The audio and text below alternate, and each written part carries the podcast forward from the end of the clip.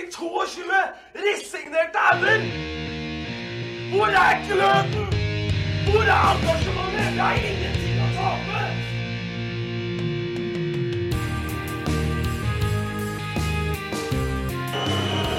Ja, forlenges tid på Martin Ramsland. Skal du sette etter? Og så gjør han det! Martin Ramsland! Har du sett? Han kommer til å bli større enn Jesus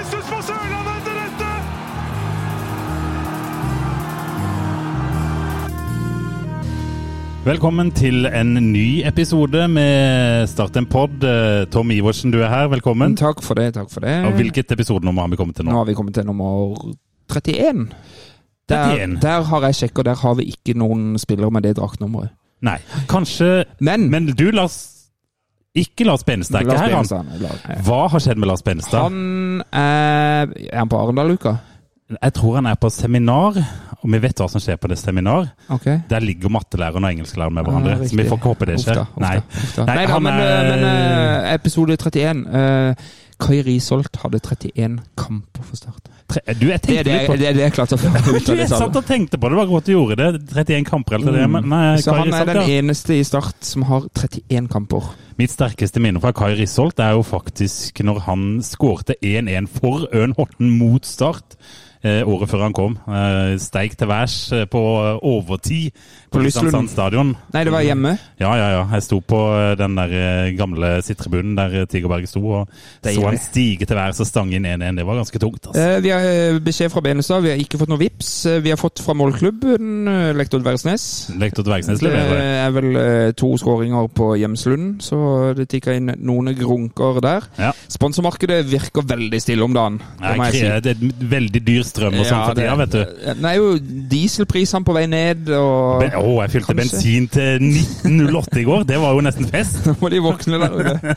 Uh, I dag har vi med oss en artig gjest. Vi har Eh, Ikke for første gang. ikke for første gang, men det er jo Vi liker jo å kalle han Obos-oraklet. Ja.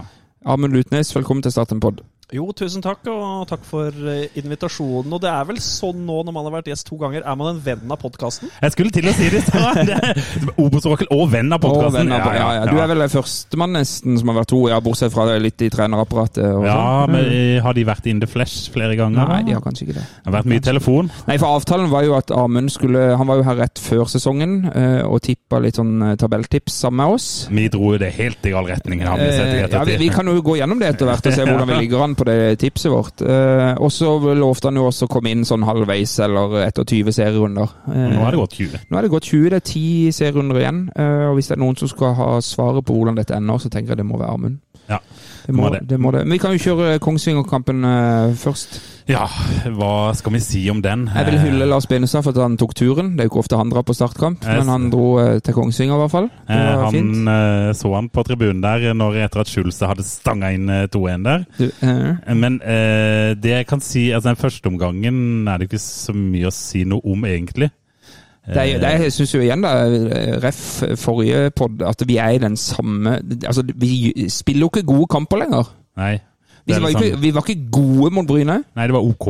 Ja, ja, men altså mot Bryne var vi jo Vi var ikke kjempe... Vi snakker om de der første 20 minuttene og sånn Ja, mot ja. Bryne. Vi var jo i akkurat den samme tralten i denne kampen her. Ja, og her var førsteomgangen igjen var litt dårligere, eh, og så var andreomgangen litt bedre, men det blir jo ikke det helt store. Eh, Vi er jo heldige her òg, akkurat som oppe på, på Nedre Eiker der. At, vi, vi, at, vi, at ikke vi taper denne her òg. Ja, det kan du si. Og, men jeg må jo ærlig innrømme at jeg har ikke sett uh, andre målet Å, ja. til Kongsvinger. For da klikka jo TV-sendinga til uh, Ja. Discovery. Og når det ble 2-2, så har ikke jeg orka å se det igjen. Nei, det- du vil ikke se skåringa, nei. Altså, Nei, baklengsmål er jeg ikke så glad i. nei, nei jeg bare Jeg syns altså nå Det er, det er dårlig, det Start leverer om dagen, altså. Og da, da, eh, Altså, da, det er ordentlig ræv. da, da kan jeg få lov til å dra over. fordi at Lars Benestad han sitter jo her og snakker på inn- og utpust i 20 minutter og lange resonnementer hver uke. Så jeg tenkte at nå er ikke han her. Oh, ja. Så da kan jeg få lov til å boltre meg litt. Okay. For nå brygger jeg på en litt sånn Jeg vil ha det ut. Eh, For den kampen her eh, det kom etter en sånn storseier. 6-0. Tenker man om, nå har de, eh, nå har de litt eh, selvtillit. Men altså Start er jo like, altså er jo mer variable i prestasjonene enn en, eh, holdt på å si kjærlighetssyk tenåring. Altså Det er jo mye mer stabilt humør enn Start leverer. For Start klarer jo ikke, med unntak av de tre kampene de vant på rad, hvis vi tar bort cupen, for det var jo mot lavere divisjon. Men de vant altså mot De vant tre på rad, det ble sett på noe stort. De vant mot Skeid. De vant mot Grorud, og så hadde de en veldig fin kamp mot Sogndal, som sikkert er årets beste. Ja, for det var de tre vi hadde på rad der. Det var de tre vi hadde på rad. Det var Skeid, Grorud og Sogndal. Altså Skeid og Grorud er jo helt i bunnen av tabellen. Selvfølgelig skal Start vinne de to kampene. Når, når spilte Start en ordentlig god kamp? Nei, men det er jo nettopp det. Og så, 90 minutter. Så, så kommer det liksom sånn Start klarer jo ikke å vinne to på rad. Jeg har liksom sett på rekka av kamper etter at de vant tre på rad. Og så kommer liksom, De to første er jo uavgjort eh, mot Ranheim og uavgjort mot hvem pokker det var. Men i hvert fall uavgjort, uavgjort, tap, uavgjort, tap. Seier, tap, seier, tap, uavgjort, seier, tap, seier, uavgjort. De klarer jo for faen ikke å stable opp en, en, en ordentlig rekke. Og hvis Start hadde klart å spille to gode kamper etter hverandre, eller OK, som vi kan si om Bryne, da Hvis de hadde klart å spille en god kamp mot Kongsvinger, så hadde de slått Kongsvinger. Kongsvinger har vært bra i det siste, men hvis Start spiller godt, så slår de Kongsvinger. Og jeg synes jo, der syns jeg jo at det var tydelig at man eh, mangla uh, Bjarni. Ja, eh, det- sentralt på midtbanen, for. Tønnesen hadde ikke noe god kamp. Nei. Men denne sesongen er altså i ferd med å utvikle seg til et Mm. Altså, jeg blir helt sånn matt innvendig. Altså, kjenne Kan du huske hvor lys vi så på det i vinter, eh, Gimse? Ja, men Treningskampene før sesongen og- Vi feide jo over Brann. Ja, altså. men, men du så konturene og noe artig å se på, og Også... relasjoner som satt og. Og så er det én ting til òg. At i i fjor sommer så bytter man trener. Og så kommer det inn masse nye spillere, så begynner man på nytt. Ja, trenger tid. Så blir det litt sånn baluba utover høsten. Og så kommer man eh, til året i året. Man ser at det er utvikling i relasjonene. Og så er det en som blir skada. Eh, Falenius. En som blir solgt, som Start ikke eier sjøl. Braut. Men så er det inn masse nye spillere igjen som må sette relasjoner. Så man begynner liksom på, På nytt, hele hele jævla tida. Eh, så jeg begynner å bli litt sånn øh, Jeg begynner å bli lei. Jeg begynner å bli møkk lei av Vasse Gjørma. Vi prata litt om dette rett før sending, faktisk. At eh, for, for egen del da, så har jeg jo gjennom eh, flere tiår som ihuga Start-supporter sjelden vært så lei og så, så, og, og, og så død og begrava som Start-supporter enn jeg var i fjor eh, tidlig høst. På denne tida i fjor. Jeg er i ferd med å komme inn der igjen på ny. Er Hvor, hvor jeg bare Ja, For de er nødt til å rade opp noe mer, noe mer enn bare en, en seier her og en seier der. Og så var det jo en I sommer, husker jeg, når, når de tapte noen kamper, så eh, klamra vi oss fast til Kristian Sørensens deilige statistikk, og den var jo eh, god, der du så utvikling i expected goals mm. for og imot. Eh, der du så en veldig god utvikling for Start i forhold til fjorårets-sesongen. Altså, de skapte mer, de slappte mindre. De Og vi skårer mer og slipper inn færre nå enn vi gjorde på samme så tid det i er fjor. Ja, da. åpenbart en framgang her. Ja. Men allikevel, jeg skjønner ikke altså Start har omtrent samme målforskjellen som Stabæk. Nå er ikke de veldig langt uh, foran. Nei. Og de har vel bedre målforskjell enn noen av de andre Ja, ja. foran der. Men de klarer jo ikke å bikke Nei. tilstrekkelig mange kamper i riktig favør. Og gir bort sånne pissetap hjemme mot Kongsvinger og hjemme mot Sandnes Ulf. Øh, Hva tenker du, Amund, når du har hørt eh, to, to sørlendinger ja, vri sjela? ikke glem at vi har en gjest. Ja, jeg beklager. Jeg bare, hva tenker du når du hører to sørlendinger vri sjela? Nei, dere oppsummerer jo egentlig det som er sesongen til start. Da. Det er jo ekstremt ustabilt. I fjor så var det også ekstremt ustabilt, og hvis du ser i hvert fall litt positivt på det, så er det jo bedre i år enn det er i fjor. Etter eh, 20 runder i fjor så lå man på tolvteplass. To poeng fra nedrykkskvaliken med 22 poeng. Nå er man på, nå er man på åttendeplass med 30, 30 poeng. Hadde faktisk scora mer um, i fjor, da. Ja. På- Hadde vi det, på, ja? på Ja, samme ok. tidspunkt. Eh, Vi har jo så slitt litt med det. Ja, altså det, er jo, det er jo en utvikling i riktig retning, dette her. Men det er jo ganske langt ifra å bli noe veldig spennende når vi snakker tredje-fjerdeplassen. For nå er det snakk om å kanskje bare akkurat komme seg innafor kvaliken. Men det er jo akkurat sånn som Gimse sier, som er det viktigste i Obos-ligaen. Du må line opp en tre-fire seire på rad etter hverandre. Man kan ikke ha sånn som man leverer en fin kamp mot uh, Bryne, skårer seks mål, bør gi masse selvtillit. Og så drar man opp på Hjemsløen, så er det 2-2. ikke sant? Så er hele det momentumet der eh, dratt ned. Nå kunne man dratt med seg to seire inn mot uh, Stabæk-kampen og virkelig da meldt seg på mot et lag som ligger foran de på tabellen. Og etter der igjen så er det jo Grorud hjemme. Da kan man liksom fort, sitte med fire seire på rad. Og da hadde man vært der oppe i, mm. på ja, kanskje femteplassen da, og virkelig kunne liksom smakt litt på at uh, vi er ikke så forbanna langt unna den uh, annenplassen. Men det er eh, gang på gang på gang på gang på gang så river man ned eh, momentumet. Men eh, tar du ut Oskar Falenius og Jonathan Braut Brunes av hvilket som helst lag i Obos-ligaen, så blir det et mye dårligere lag. Det er de to desidert mest kreative spillerne. Det er over, de to har over 20 målpoeng eh, seg imellom. Falenius legger opp til Braut Brunes. Det gjorde han jo mange ganger i starten av sesongen. Så det der må jo bare gjøre vondt langt inn i sjela. Når man ser Falenius gå ned i bakken mot Brann var etter 35 spilte minutter, og man visste vel òg at Braut Brunes han er her bokstavelig talt på lånt hit. Og når det dukka opp i sommer, var vel Federlandsvennen som gravde fram det at eh, Lillestrøm hadde en mulighet til å hente han tilbake hvis de skulle eh, selge den. Og det er jo et eh, kjøpers marked nå i Eliteserien. Det er mange klubber som er desperate etter spiss. og det er jo så klart også en interessant link da med Strømsgodset, at eh, Strømsgodset selger Salvesen, en spiller som Start ikke fikk en dritt for, og så erstatter de det med en eh, startspiller, eh. Jonathan Braut Brunes. Det er jo Det gjør jo bare vondt, og akkurat når vi spiller den her nå i kveld, da, så skal Lars Jørgen Salvesen spille Champions League playoff for Bodø-Glimt det eh, illustrerer. Dette illustrerer så jæklig godt hvordan jeg følger denne her klubben her, altså. Ja, og det, Eh, Det gjør jo bare vondt, ser jeg for meg, Ja, ja. som en, eh, som en Start-supporter. Det er jo Ofte spør jeg meg hvorfor er utrolig at denne klubben her har supportere. Er at folk orker. Ja, jeg, jeg altså- skjønner jo godt at folk faller av, altså. Og at ikke alle, alle Start-fans er skilt. For at, eh, jeg sa, jeg husker godt, det er noen år siden nå, da har det jo gått opp og ned litt da òg. Jeg sier til min bedre halvdel, du forresten, Start spiller kamp klokka seks. Å, faen! Du blir så jævlig grinete hvis de taper. Men da, for, å, for å trekke noe, eh, noe positivt eh, ut av sesongen til nå i Start den, eh, De som har vært best for Start i år, er jo ikke noen av spillerne. Det er jo bortefølge, syns jeg. Også den nye Lund-sida på, på Sør Arena. Det er Da- fantastisk. Da gjør vi sånn.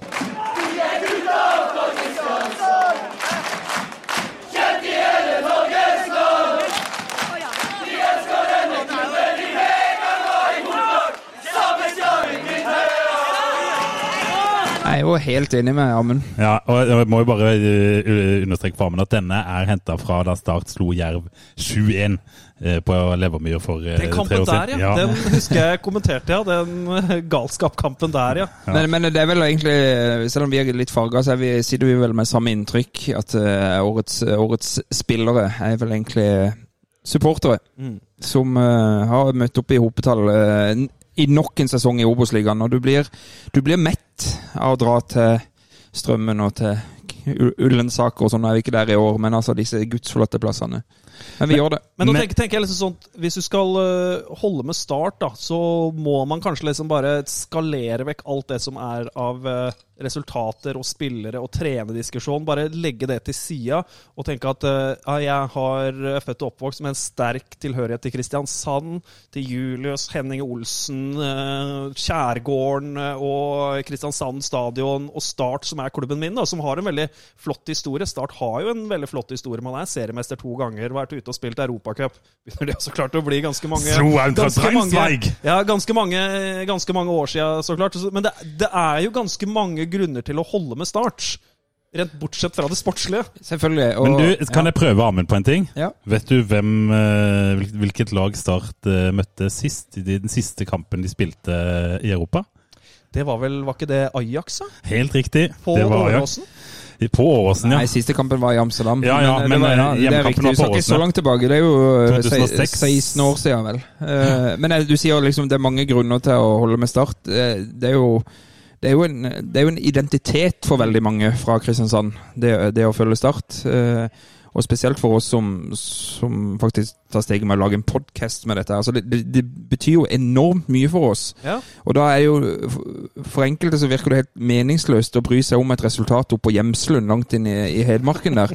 Men for oss så er det alt, Ja, det er, det, er, det er humøret den dagen, det. Og, og, og, og at du sier det ødelegger ekteskap og alt. Ja, det gjør kanskje det. Eh, og da, da tenker jeg Da må vi også få lov til å si ifra. Da kan vi melde, og vi kan eh, mene. eh, og vi kan bli sint, og vi kan skrike og rope eh, det vi måtte ønske, nærmest. Mm. og som jeg sier, det er, det er privilegiumet vårt. Ja, ja, det er det. Enkelt og greit. Men, men eh, hvis vi Og la bare avslutningsvis, Start skal jo ikke ligge som nummer åtte i Obos-ligaen.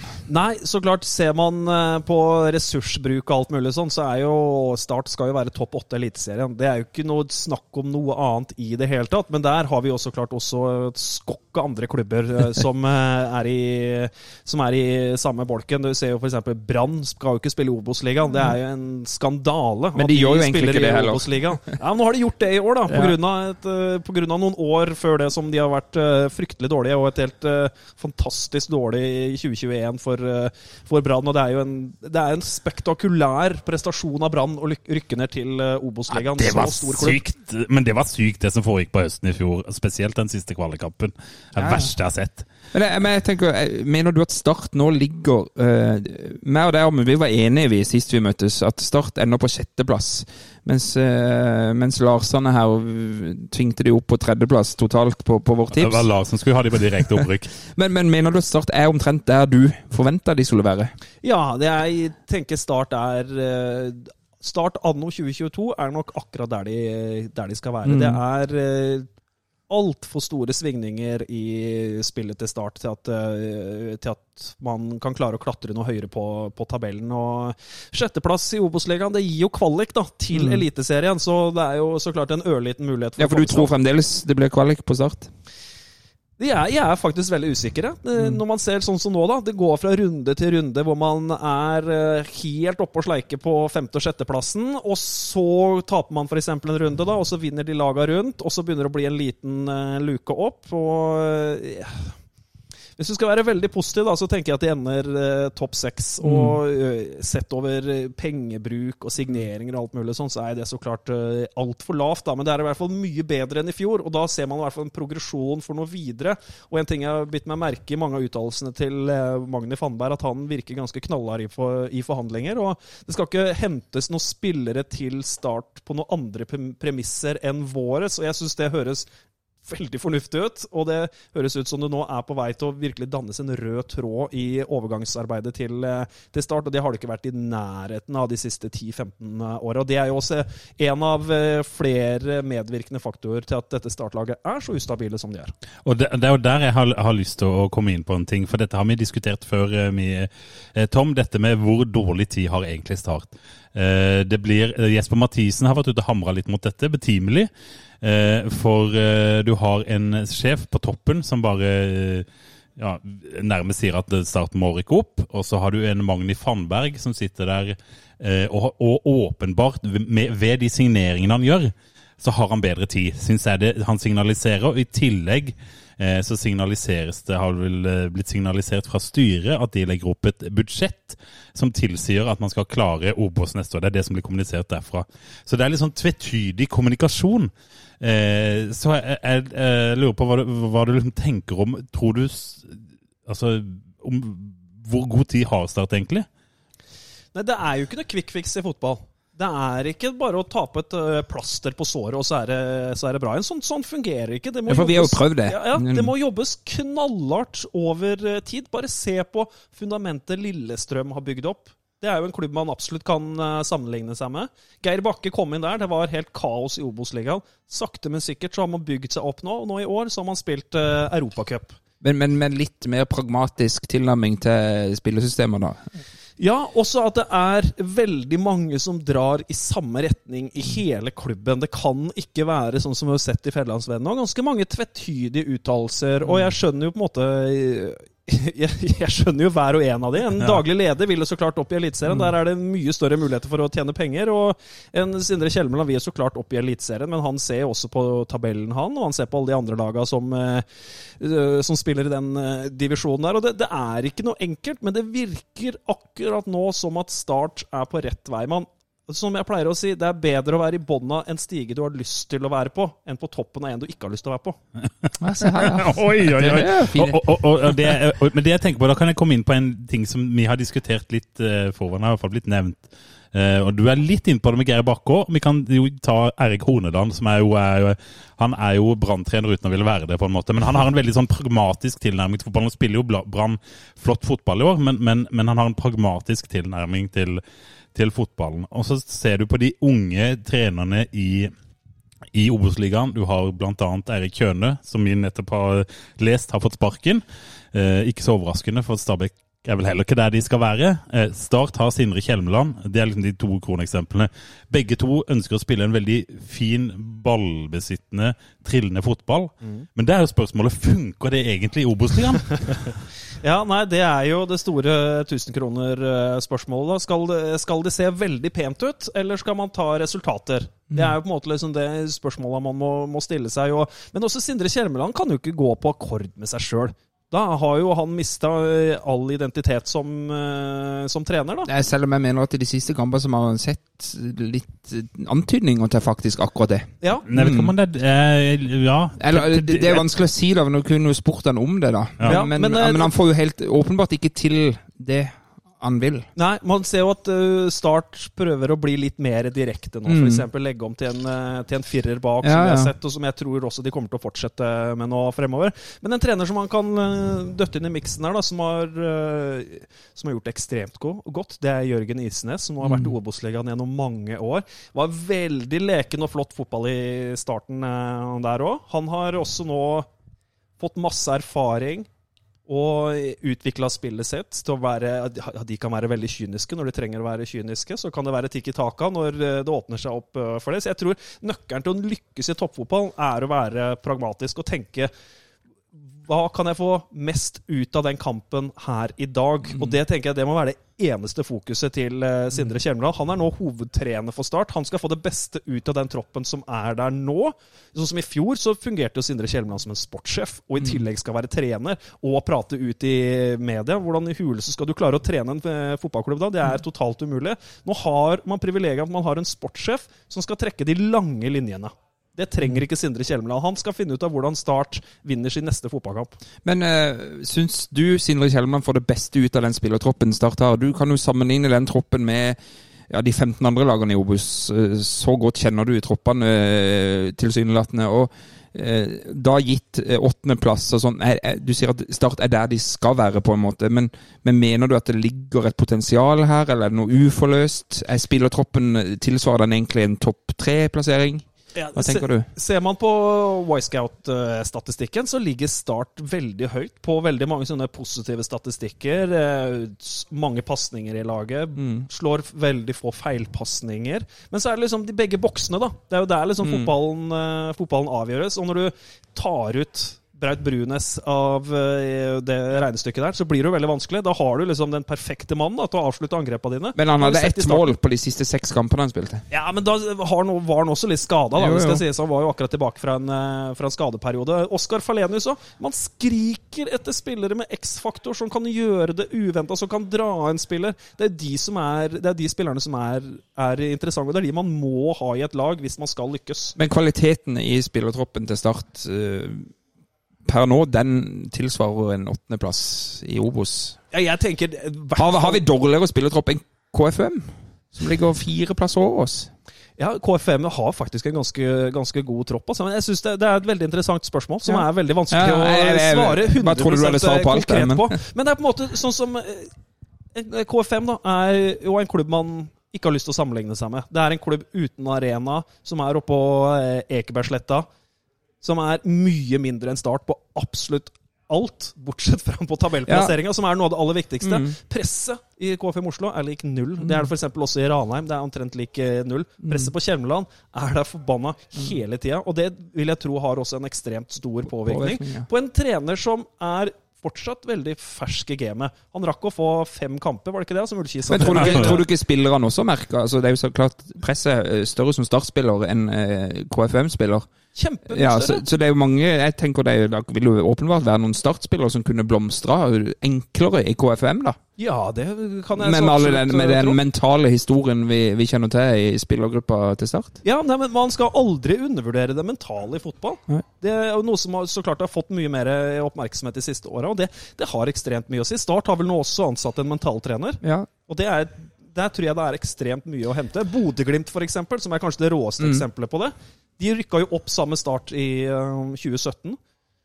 hadde en, en periode etter det hvor man, ikke, hvor man ikke var i nærheten av det nivået man var nå. Der også har det blitt jobba veldig mye mentalt, sånn som med Patrick Berg og Ulrik Saltnes, Fredrik André Bjørkan. Mange av de har jo vært ute og sagt etterpå. De jobba, mye, mye mentalt for å snu det. Og det sitter jo ekstremt mye oppi huet til en fotballspiller. Typiske én-mot-én-situasjonen. Du har mulighet til å dra en spiller, skape ubalanse. Har du ikke helt selvtilliten, så slår du heller den støttepasninga og gir det ansvaret til han ved siden av. Den har vi sett i år. Ja, ja den er er Og veldig hvis- klassisk. Og hvis ikke han ved siden av har den selvtilliten, så eh, vil han kanskje også døtte den tilbake igjen. da. Og så tror jeg det er lettere å ta den, å ta den passeringa der, eller det forsøket der, når du er KFM-spiller, enn når du er Start-spiller. Ja. For da kan du få både media og eh, tribunen mot deg. Og, Ja, for, ikke sant? Men det, for ikke sant? dette er jo tosidig. Eh, det kan du jo se f.eks. i 2004. Eh, når, når det begynner å flyte, og de har selvtillit, og du får hele stadion, hele byen i ryggen, så, så får du lyst til å dra en mann til. Altså Du får litt sånn ekstra selvtillit. Du, får, du vokser litt på den der eh, press, eller den, den støtten du får. Men i det øyeblikket det begynner å butte, så slår det jo dobbelt så hardt tilbake. Jeg, så jeg tror det, en sånn, det er en sånn tosidig greie. Men Start liksom et, et, nesten så det sitter litt i veggene, det som har skjedd de siste fem åra. Eh, alle de nedturene og den følelsen folk i Kristiansand har.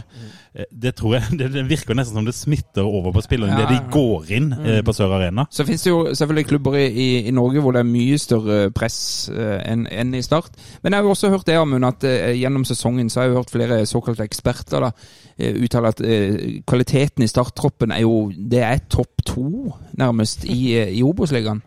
Ja, plukker man det fra eh, spiller for spiller, så, eh, så er det jo veldig mange av disse startspillerne som fint hadde gått inn på flere av de andre lagene. Og det er jo også sånn som eh, ja, Vi kan dra for om et eksempel, da, sånn som Philip Delaveres i, i Brann.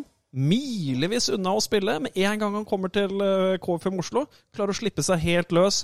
Får en rolle som han, eh, som han eh, elsker i laget. Han kan slippe seg løs på en Og han kan slippe seg løs. Sånne ting som det der er ekstremt utslagsgivende. Og der er det jo på en måte sånn som i start, der er det jo på en måte liksom Hvis du hører mange nok ganger at du er ræva, da vil du nok tro at du også tenker sjøl at ikke du er så veldig flink.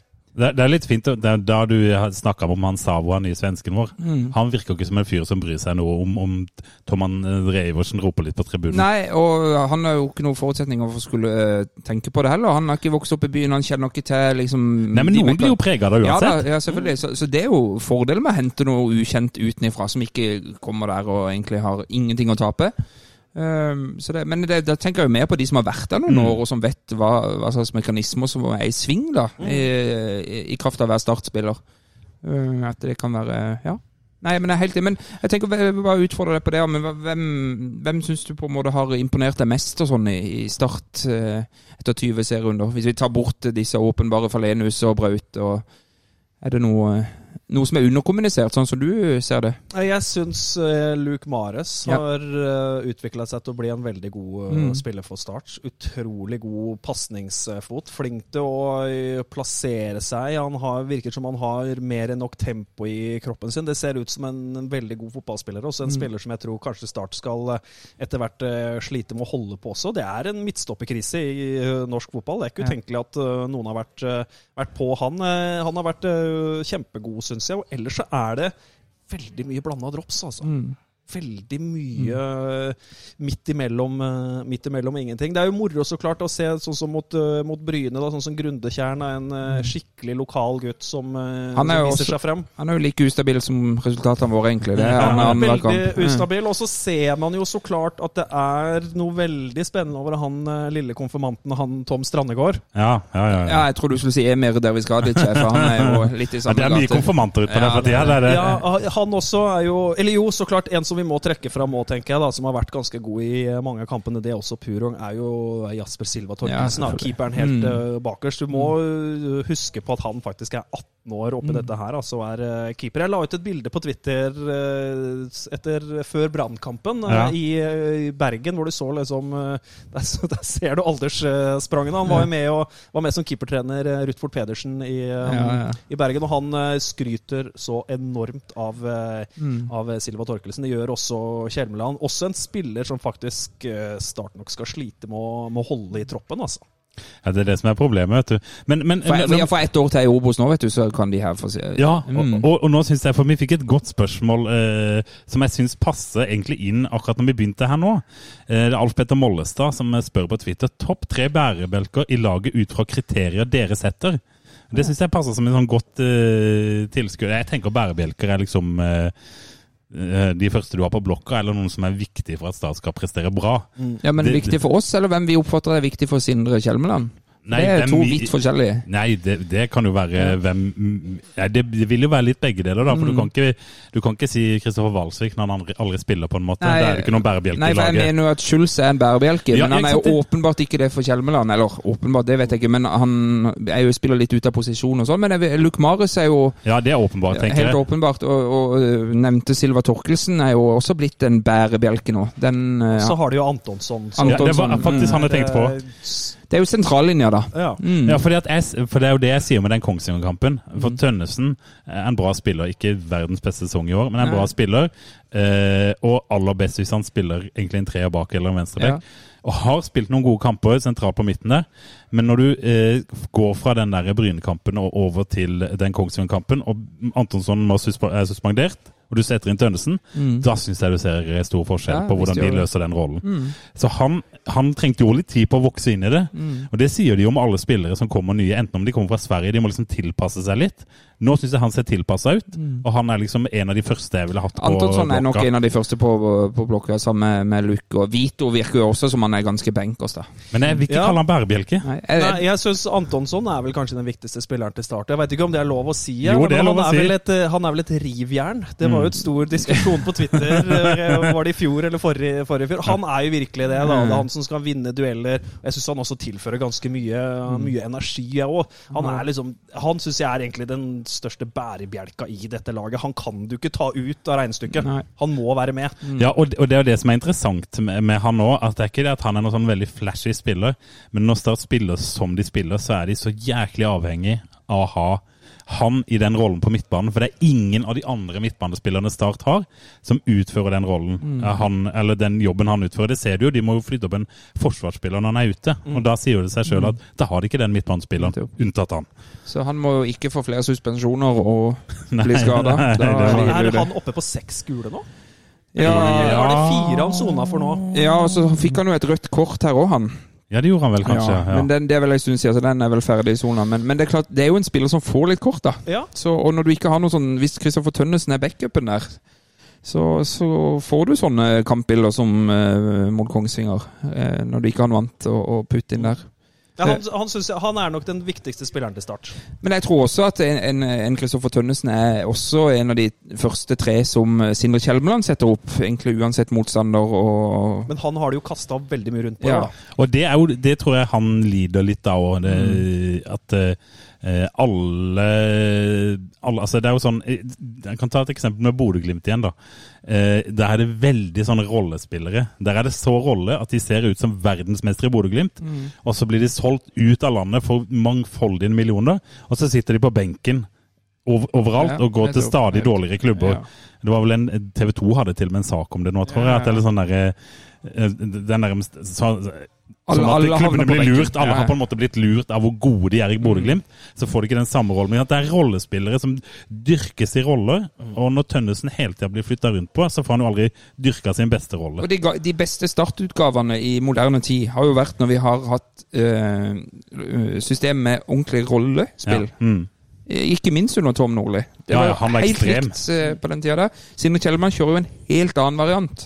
Hvor det byttes formasjon eh, til pause, og avhengig av eh, motstander og kampbilde i det hele Men, tatt. men formasjon er ikke så, det tror ikke er så viktig egentlig sånn. Eh, jeg tror det handler mer om at det er jo han, vi- han skulle nok ønska å ha det mer Ja, men å vite hvor medspilleren din er Ja, ja, til ja, enhver tid, ja, ja. Det, det er ikke så lett når du bytter fra 4-3-3 til En, en Tre, trener ser jeg for meg ikke har lyst til å bytte veldig mye. Nei. Det optimale i fotball er jo at du kan stille så å si de samme elleve hver, hver eneste gang. Og spille på samme måte hele Ja, og ha vårt system, sånn som Ja. Rosenborg sa i storhetstida. Bytta nesten ikke på spillere i det hele tatt. Alle veit hvordan vi spiller. Det er opp til dere å bryte oss ned. Hvorfor gjør Sindre Kjelmeland det, da, Amund Lutnes? Nei, Han blir jo vel så klart veldig usikre med så mange variable mm, prestasjoner det er. da. Han sitter jo og ser og analyserer sammen med trenerteamet sitt. Det funka ikke, da må vi kanskje prøve noe nytt nå. Eller, Og det, det ser jeg for meg alltid er en utfordring for en trener. Hvis det går dårlig, skal vi holde på planen, eller skal vi kaste planen og gå til plan B? Ja. Skal vi holde det i 10-15 minutter til? Det er sånn som veldig mange supportere klager på hvorfor gjør du ikke bytter. Så tenker man da nei, jeg gir denne spilleren eller de to spillerne 15 minutter til. Og, så blir, og da blir det kanskje for seint i kampen. Men OK, jeg tok et valg der og da i det 65. minutt. Jeg bytta ikke. Og da blir det så skulle jeg kanskje gjort Og det. og det tenker jeg er jækla vanskelig. Ja, ikke sant? For hvis det går bra, så er det ingen som snakker om at Nei, han ikke bytta et kvarter før det plutselig ble to mål. Og så er det nok enda vanskeligere for en uh, lite erfaren trener òg, som eh, Og det har jo de to andre i teamet også, da. ja. Med eh, Holmgren og han eh, Eide. Eide. De er jo pur unge gutter, eh, alle sammen. Så klart, Mini har jo så klart lengre fartstid i toppfotballen. da, etter å ha Ja, han har vært sammen med Arne Sandstø en stund. Arne, Arne, Arne Sandstø i, i Jerv. Men det er fortsatt tre tre veldig unge gutter, og de har en veldig ung keepertrener også, i, i Mats Mørk. Det er, det, er, det er unge, urutinerte de i trenerteamet, og det er, det er jo så klart litt underkommunisert. Det er så klart at det å være en, eh, en rutinert trener som har stått i alle situasjonene 10 000 ganger Det er mye lettere å ha en ro til den oppgaven enn en som ung og uerfaren. Se f.eks. Erik Kjønne, da, som fikk eh, sparken i dag. Blir jo så klart kasta til ulvene da, i Eliteserien i fjor, da Stabæk velger å, å, mm, å sparke Jønsson. Og så får han eh, stillingsbeskrivelsen i år. For Erik Kjønne var jo én ting. Du skal opp nå fra Obos-ligaen. Og da nytter det ikke å tape borte mot Nei, men jeg, jeg syns også det er nesten litt Altså, Stabæk har tapt fire kamper på 20 serierunder. eh, serierunder. Altså har de vel bare tre seire hjemme på Nadderud. Ja, det kan godt være. Og det er klart, tap borte mot eh, Blink er jo nesten oppsigelsesgrunn, bare det. Spesielt når du leder 2-1. Men eh, de- de har jo nesten ikke sluppet inn mål. Nå har de jo begynt å slippe inn en del mål. da. Nå har de til og med sluppet inn flere enn det Start har. Ja. Det var jo helt utenkelig for fem runder siden. Så det er klart de har en nedadgående kurve, men jeg syns det er litt Jeg er ikke helt enig i den Kjøne. Nå er jeg, jeg er jeg har ikke noe personlig forhold til Eirik Kjøne eller og, i, i kraft av å være fra Kristiansand, eller noe sånt, men det høres veldig sånn Men, og samtidig, men jeg tror eh, brutalt De er to poeng bak eh, direkte opprykk. Det er de ikke, de er fire poeng. Men Men, allikevel men nå tror ikke, Jeg har ikke sånn detaljkunnskap om Stabæk, men jeg har hørt noen si at de satser enormt mye penger på å ta det opprykket. Eh, og Ja, men det jeg- betyr alt. Ja, det er bare én ting som betyr Ja, for det er viktigere for Stabæk å rykke opp enn det er for Start, eh.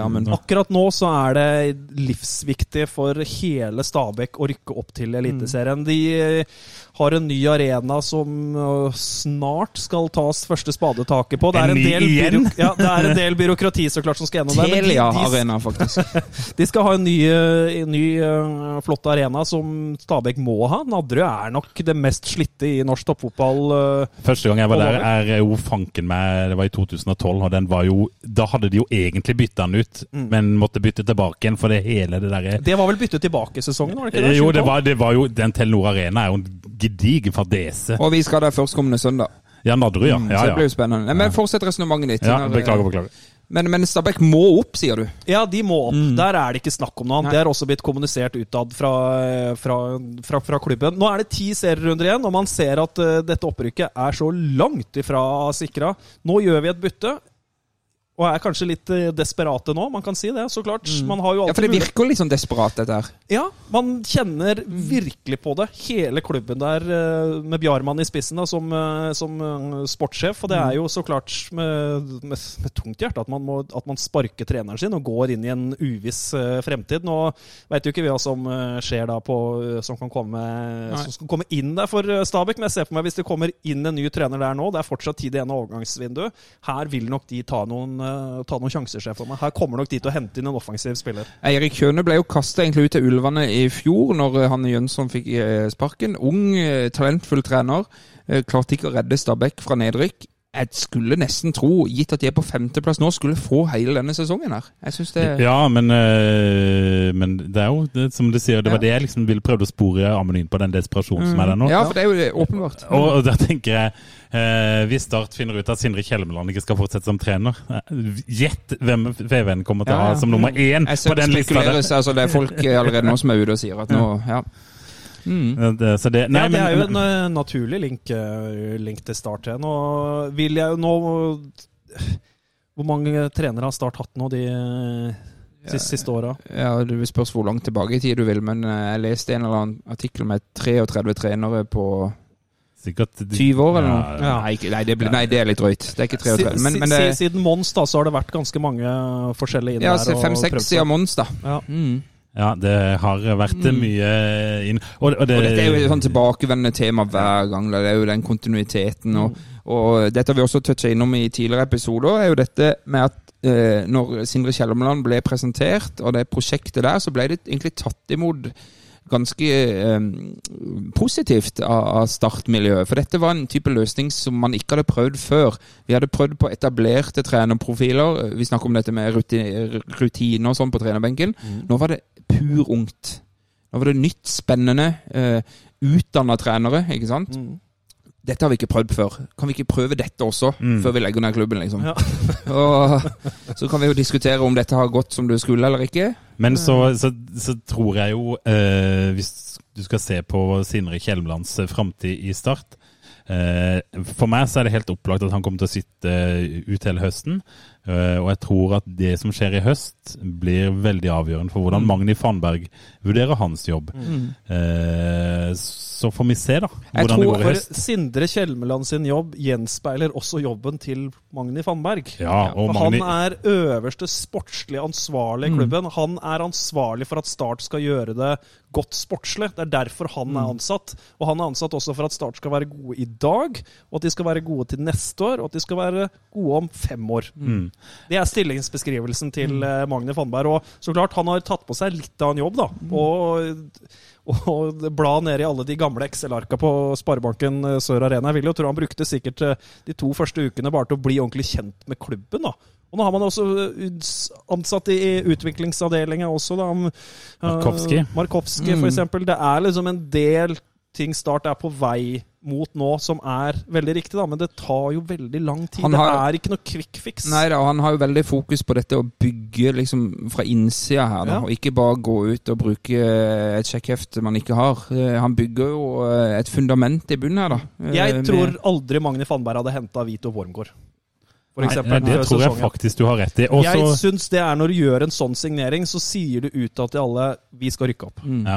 Og så har man igjen på en måte justert sein. Og så eh, er jo det store spørsmålet jeg, jeg tror jo med måten man jobber på, eller jeg håper i hvert fall, at med måten man jobber på, at man på et eller annet tidspunkt kommer dit at man klarer å utvikle det. Altså Tom Strandegård, åpenbart en veldig spennende spiller. Emir Daviskadic, åpenbart en veldig spennende spiller. Du har Silva Torkelsen, og så har du Luke som er litt eldre. Eh, og så har du Savo, Savo, som Jesper kan Gravdal. ja, og så har du Jesper. Gregorsen. Altså, Savo ser ut som han kan ha noe spennende ved seg å tilføre.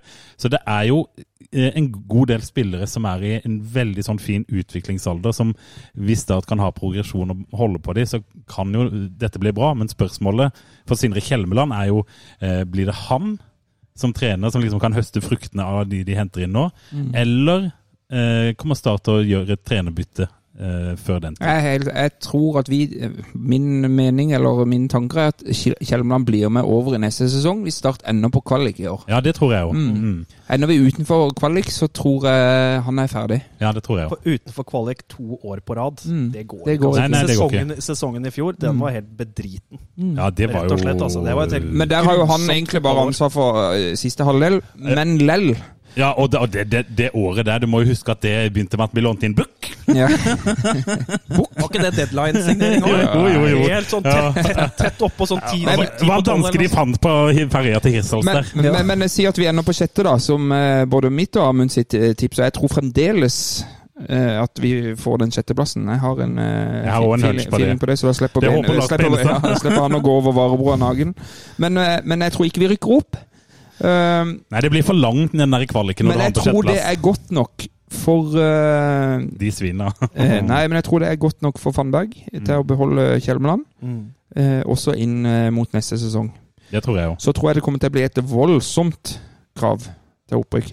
Da er vi på der Stabæk er nå, Ja. Ja, det tror jeg jeg, neste, faktisk. Og- neste sesong. Og da, og da kommer nok, og hvis vi nå havner på kvalik med alt som har skjedd og mye fram og tilbake, så tror jeg Det er jo litt mishagsytringer med trenetime nå, men hvis man tar seg opp på en kvalikplass, eh, får en liten kvalikopplevelse, eh, så tror jeg på en måte det er nok tålmodighet til at ok, vi gir det inn i vårsesongen her. Men da vil jeg tro at den, eh, den eh, ja, hva skal vi si, den gren det de har å gå på, er veldig mye mindre enn det har vært eh, de tidligere åra. Men så kommer det også veldig mye an på hva spillergruppa i Start også tenker om Sindre Kjelmeland, og Sindre Kjelmeland sin ideer tror størstedelen av spilletroppen fortsatt på Sindre Kjelmeland. Det også er jo et utrolig viktig poeng. Ikke det at eh, spillerne skal ha full makt over, eh, over hva som skal gjøres i, eh, i Start, men det er utrolig viktig at man fortsetter å holde garderoben, liksom, så ikke man, så ikke man mister den. Det er ekstremt viktig. altså At alle fortsatt har tro på dette. Man, er Supporter liker ikke å høre det, dette prosjektet. Ja, det liker ikke Sindre å høre heller, tror jeg. Nei, men jeg er helt enig. øh, Og de vi har prata med, både på, på lufta og av lufta opp igjennom det siste, eller denne sesongen, har jo vært veldig positive til Sindre Kjelmeland. øh, Og syns at de både lærer noe, og at det er fremgang. Og at det, det er fint å jobbe under Sindre Kjelmeland. Men det er jo klart, de må, det må jo også gjenspeiles i resultater for spillerne. Ja. Hvis de ser at vi, vi taper 2-1 mot Sandnes Ulf, for det da, da vil de begynne å stille spørsmål, de òg. Start skulle hatt en sånn Diego Costa-type på banen. vet du, En sånn ordentlig rasshøl fra A til Å. Det hadde gjort seg. Det tror jeg Start mangler. Sånn David Nilsen. Eh, Ja, ja, David Nilsen òg, for å dra det hjem. Helt riktig. Skal vi ta en liten eh, jingle, eh, Gimse? Vi tar en liten jingle. Pål Jørgensen insinuerte at vi var logrende hunder. Vi må snakke litt om Schulzegate når vi har fått en ekspert i studio. La, er det Lars Benestad sin egen hashtag, det? det? Ja, det er Benestad sin Jeg har prøvd å hjelpe han litt med den på, på Twitter. Eh, vi kan jo dra litt kjapt gjennom det. eh, For det som har skjedd siden sist, er at Erik Schulze sjøl ble intervjua etter kampen mot Kongsvinger, der han går ut og gir uttrykk for at han føler at han ikke blir satt pris på, eh, at Start har gitt han, sier han, tre kontraktstilbud som er helt like. Han mener at han og agenten Stig Lillejord har strukket seg langt, men han eh, føler vel ikke at han blir prissatt som en lokal eh, eller Start-supporter. Eh, og så vet jeg det at vi har fått litt innspill på hva som kanskje kan ligge bak dette her. Eh, og det hadde vært litt interessant, og hvis du kan ta det, Tom, eh, å, å få Amunds vurderinger av det eh, vi har fått vite. Ja, nei, altså Vi får jo mye beskjeder her og der, og alt noe må vi ta med en klype salt osv., men, men det ryktes at det har kommet inn spillere etter at Schulze kom til klubben, som, som har øh, Jeg vet ikke om jeg skal si adskillig høyere lønn enn Men i hvert fall høyere lønn. I hvert fall høyere lønn, og knapt får spille. Mm. Eh, hva tenker du, Amund? Hva, hva gjør det med en, en spiller som Schulze, som åpenbart er en stor startsupporter Start-supporter og startmann, og ønsker å bli? Ja, nei, det syns det Det høres litt vondt ut for ja. Schulze å ikke bli satt eh, pris på. Alle veit hva slags type Eirik eh, Schulze er. Det er en eh, 100 eh, spiller som er eh, veldig lett å like, og i tillegg også har veldig mye målpoeng i seg. Og han har mye målpoeng i seg nesten uansett hvor du plasserer han eh, på banen. Rent sportslig så blir han kanskje litt malplassert i start i år. Da. Har liksom kanskje ikke en sånn der definert rolle. Nå figurerer han som, eh, som spiss, ikke sant? Og det har ikke han spilt mye i, i sitt liv. Nei. Har muligheten til å døtte han ut på høyre vingen, f.eks. Det er en mulighet. Man kan ha han som en indreløper i, i 4-3-3, men ikke noe, ikke noe definert fast rolle til Schulze. Jeg tror det er litt her det står for Start sin eh, del, altså med kontraktssituasjonen og den situasjonen At han ikke passer inn i Kjelmeland sitt eh, han har liksom ikke en Og det syns jeg også er veldig rart, at ikke det er en ordentlig god plass til eh, Eirik uh, Schulze. For det er jo en av de beste spillerne til, uh, Men han er, vel, Start. han er vel en slags kontringsspiller som ville ha, ha fungert bedre i et lag som, som angriper litt mer direkte. Ja. Hvor han kan komme i, i, i full fart inn i boksen. Eh, vi så det jo faktisk 2-2-skåringa mot, eh, mot Kongsvinger nå. var jo en sånn klassisk Schulze-skåring. 2-1-skåringer. To 1-skåringer. ja. Ja, Eh, og at han, han er jo ikke like fremtredende i sånn oppbyggende spill. Eh, Der føler han ofte kan falle litt eh, Ut? Ja, falle litt ut, rett og slett. Ja, og er jo, det er jo der dilemmaet står, da. Mm. I, i, i denne, denne sagaen her. Må huske at også Erik Skjolse ble jo i sin tid også signert som en eliteseriespiller. Da han øh, kom, var det 2019, på høsten der. Ja, riktig. Samme året vel som også Martin Ramsland eh, ble Ja. henta fra, Mm. eh, fra Sogndal. Begge de to fra, fra Sogndal. Og eh, vi kjenner jo alle til historien med Martin Ramsland. Der og ble det jo snakka opp og ned utover hele høsten. Kommer det ny kontrakt? Hva skjer? Er det noe nytt? Jeg Segberg, det- Segberg, samme Jeg syns det ligner veldig på situasjonen i år med Scholze. For Mm. Nå har, eh, har vi gitt eh, samme kontraktsforslag tre ganger. Jeg syns det også høres litt snodig ut. Altså. det det han sier. Kunne man ikke bare stått på det ene, tenker jeg. Men, men hvis vi skal prøve å forstå Schulze her eh, For jeg, er jo, jeg får jo ordentlig vondt av guttene. For han, det, han, han, det er jo så innlysende. Han ønsker så gjerne å bidra for Start. Helst i Eliteserien, naturligvis, men han er med, han er med i Obos neste år, han òg. Ja, Eller er det en eh, diskusjon her om en kontraktslengde? Ja, det kan det jo også Start være. bare har lyst til å ha han ut neste år, men mm. han har kanskje lyst på en treårskontrakt. Ja, og det, dette Det vet kan jo vi også ikke. være, Dette vet vi ikke. er et, eh, være et eh, moment i det. Og at Schultz, som en, han er vel 29 år nå, skal Mm. bli en sånn spiller som bare skal signere ettårskontrakter, det blir Mm. jo ikke helt det riktige. Han har liksom muligheten nå da, til å signere sin siste ordentlig, sånn skikkelig gode, gode kontrakt. HamKam har vært på, Mm. Ja. på banen som en slags eh, Christian Mm. Eriksen-erstatter, og jeg tror Eirik Erik Schulze absolutt kan fungere fint i veldig mange klubber i eh, Eliteserien. Og det virker jo kanskje som at Eirik Erik Schulze bytter klubb nå i, eh, nå i sommer, og da er det, det er jo en sånn knallhard em, avgjørelse det for uh, Fannberg. da. Man veit jo her at ja, man kan jo bare tilby mer penger, men skal de det, da? Ja, nettopp. Skal de, skal de strekke strikken nå? Nå har også Fannberg også vært ute så mange ganger og sagt at eh, det er vi som skal styre spillelogistikken eh, ordentlig. Vi skal ikke være følelsesbasert i, eh, i det hele tatt. Men så klart så blir det følelsesbasert med Eirik Skjolse.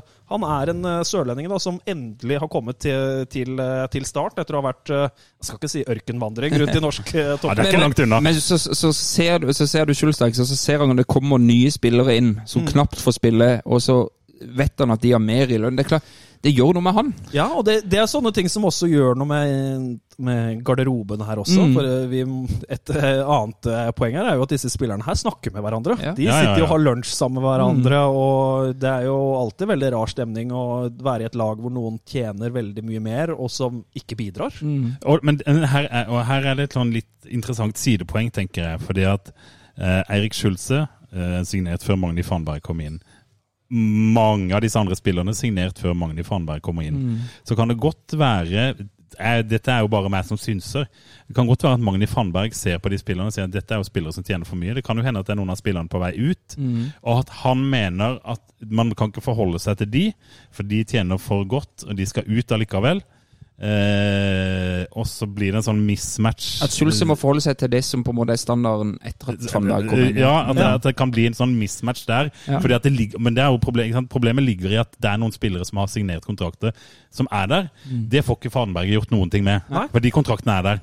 Men så vil kanskje Fadenberg si Han har jo sagt det at vi Det ble sagt at vi har eh, Det ligger ikke noe tilbud på bordet.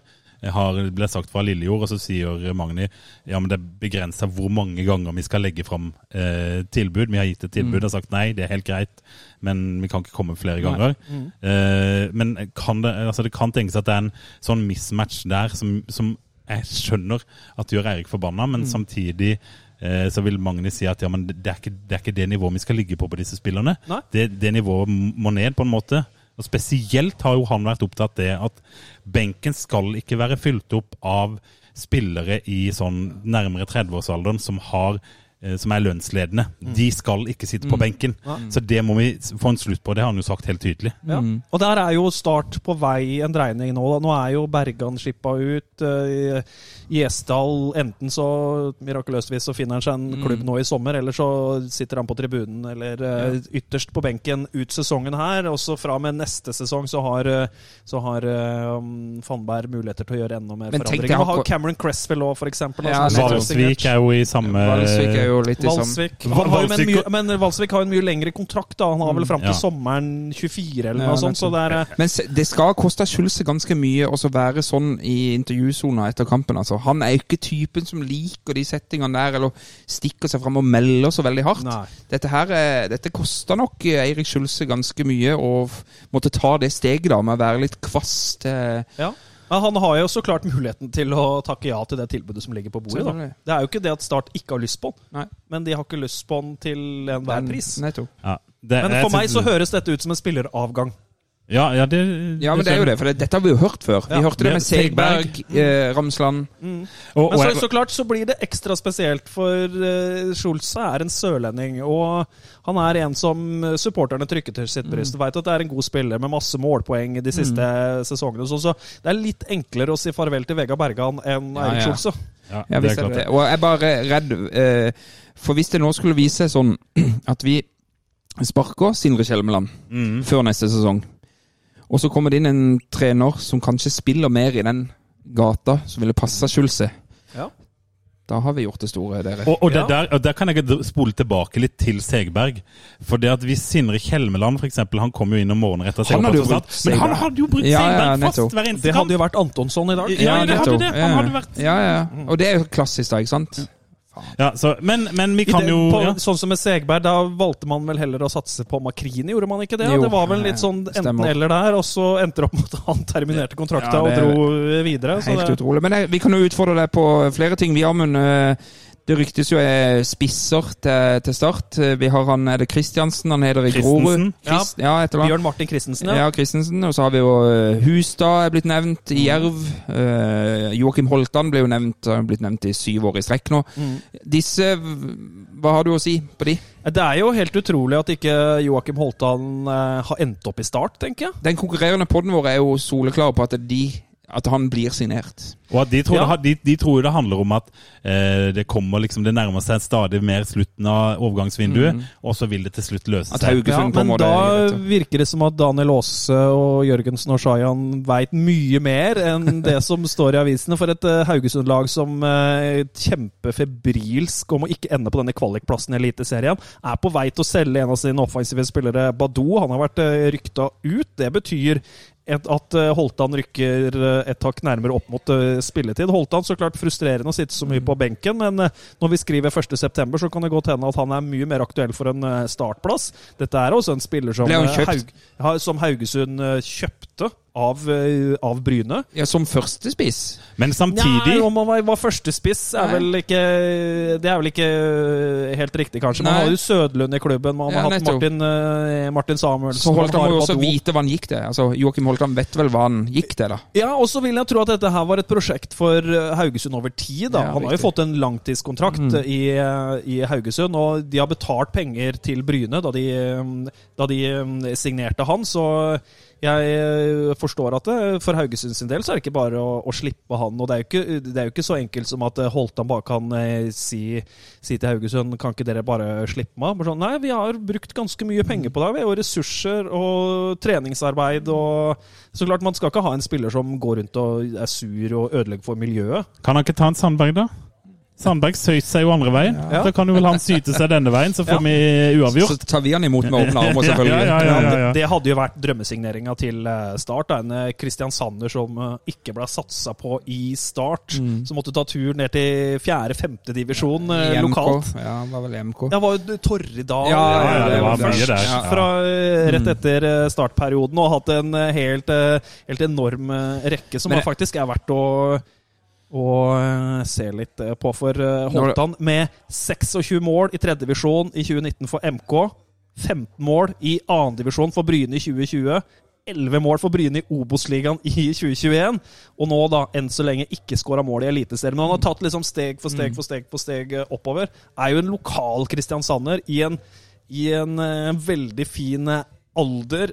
Og Start er en klubb som skriker etter en uh, nummer ni-spiss. Og denne Holtan har, jo vi liksom egentlig aldri sett. Han har jo vært prata om i, i, mange år. Vi har sett han han skåret mot Start, og Ja, det har sett fint ut. Ja, han har, uh, det, er, det er masse energi i spillet. Han kan være møtende. Han er også flink til å la, tilrettelegge for lagkameratene. Han er rett og slett en, en god spiss. Altså, som uh, Eliteserien akkurat per dags dato er nok litt, litt for høyt. Har bare én sesong i Obos-ligaen bak seg før han tok steget til uh, Eliteserien. Og det er jo begrensa hvor mange trinn man klarer å ta gradvis. Uh, Det, har- det har vært snakk om lån nå, for å se om han kan eventuelt hjelpe oss opp eh, Ja, til men så er vi litt sånn tilbake til Magne Fannberg som har sagt at vi skal Vi ikke, skal ikke låne, låne. inn så mye. Nei. Hvis vi skal låne inn, så skal vi ha en, eh, ha en soleklar opsjon på at vi kan eh, hente han hvis vi har lyst på han etter Vi eh, skal sesongen. lave en spiss. Ja, ja, og så har Haugesund har tilbudt han ballon, sies det, og det var uaktuelt for Ja. Start. Men da kan jo jeg, vi ta videre til den andre spissen, og der er jo, har jo jeg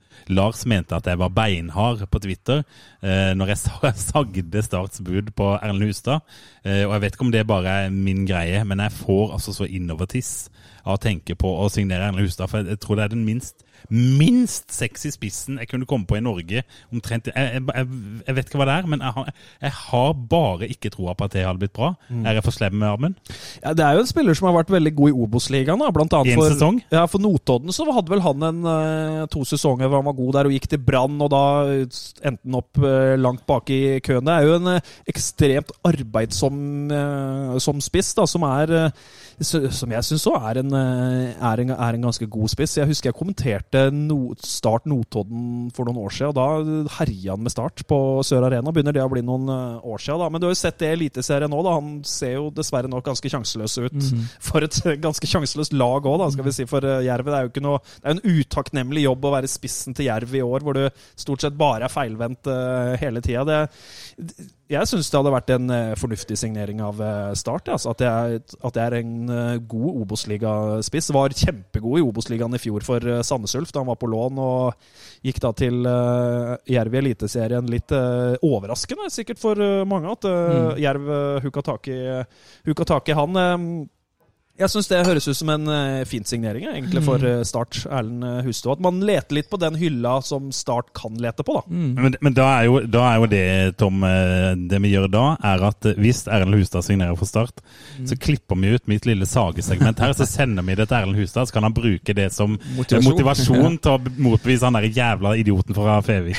Ja, du, det, det husker jeg for noen år siden, når Florø var oppe i Eliteserien, så gikk det jo rykter om Eh, vi hadde jo, jo, jo, eh, Ja, eh, så hadde vi jo Joakim Jonsson i studiet vårt, og gikk det rykter om at eh, i Florø så hadde de hengt opp et sånt eh, bilde av Joakim Jonsson på sånt dartbrett som de, som de kasta med. Jeg veit ikke om de Du kan, kan, kan fikk aldri bilde av det. Du kan få et bilde av meg. altså. nå vet jeg at det starter Ålesund, som er på jakt etter han Christensen i Grorud. Og jeg hørte var det noe rundt en to millioner kroner eller noe sånt Grorud skulle ha for han. Men så sier Shayan òg at han vet at eh, Ålesund er mer opptatt av andre alternativer enn Christensen. Ålesund er desperate nå. De eh, fikk jo Alexander Amitsbøl i dag eh, ute med en skade for et helt år. Han eh, rød korsbånd. Ja, den danske. Og spissen. så har de, de ja, så har de solgt han Sigurd Haugen. Ja, så de Mm. er desperate etter eh, spiss i Ålesund. Nå har vi jo han Moses oppe i Tromsø som ikke besto medisinske testen til, til Odd, og mm. han skal kanskje til Ålesund. Det er mye Ålesund. bevegelse på spiss. i Alle skal ha spiss. Ja. Alle skal ha spiss nå. altså Det er så mange klubber i Eliteserien som er så redd for å ende på den nedrykkskvaliken. Men to millioner for en spiss fra Grorud, som mest sannsynligvis er ferdig på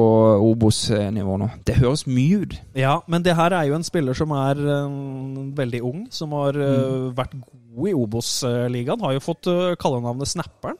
Ja. Og det ga han seg sjøl, etter at de tapte tapte 6-2 oppe på Color Line stadion i fjor. Og han skåra et helt fantastisk mål og var så smørblid i pressesonen etterpå i praten prat med, med Eurosports eh, eh, reporter i den kampen. Og er en, det er en god spiller, altså. Og en, uh, ikke minst en spiller som jeg tror ville kunne tjene ganske mye på et miljøskifte og komme til et lag hvor ikke man må gjøre alt sjøl, sånn som man må i Grorud. Man ligger i en håpløs uh, situasjon. Og det er jo på en måte det er, det er en ung spiller, da. Du ser litt hva Men er det han som skal skyte oss opp? Nei, men, men, men, men det, det, det, da jeg, bare, jeg kan bare få skyte inn noe med det du sier med, med For det ble hørt, det ble sagt i vår symbiotiske pod at Grorud har jo på en måte egentlig et vindu nå.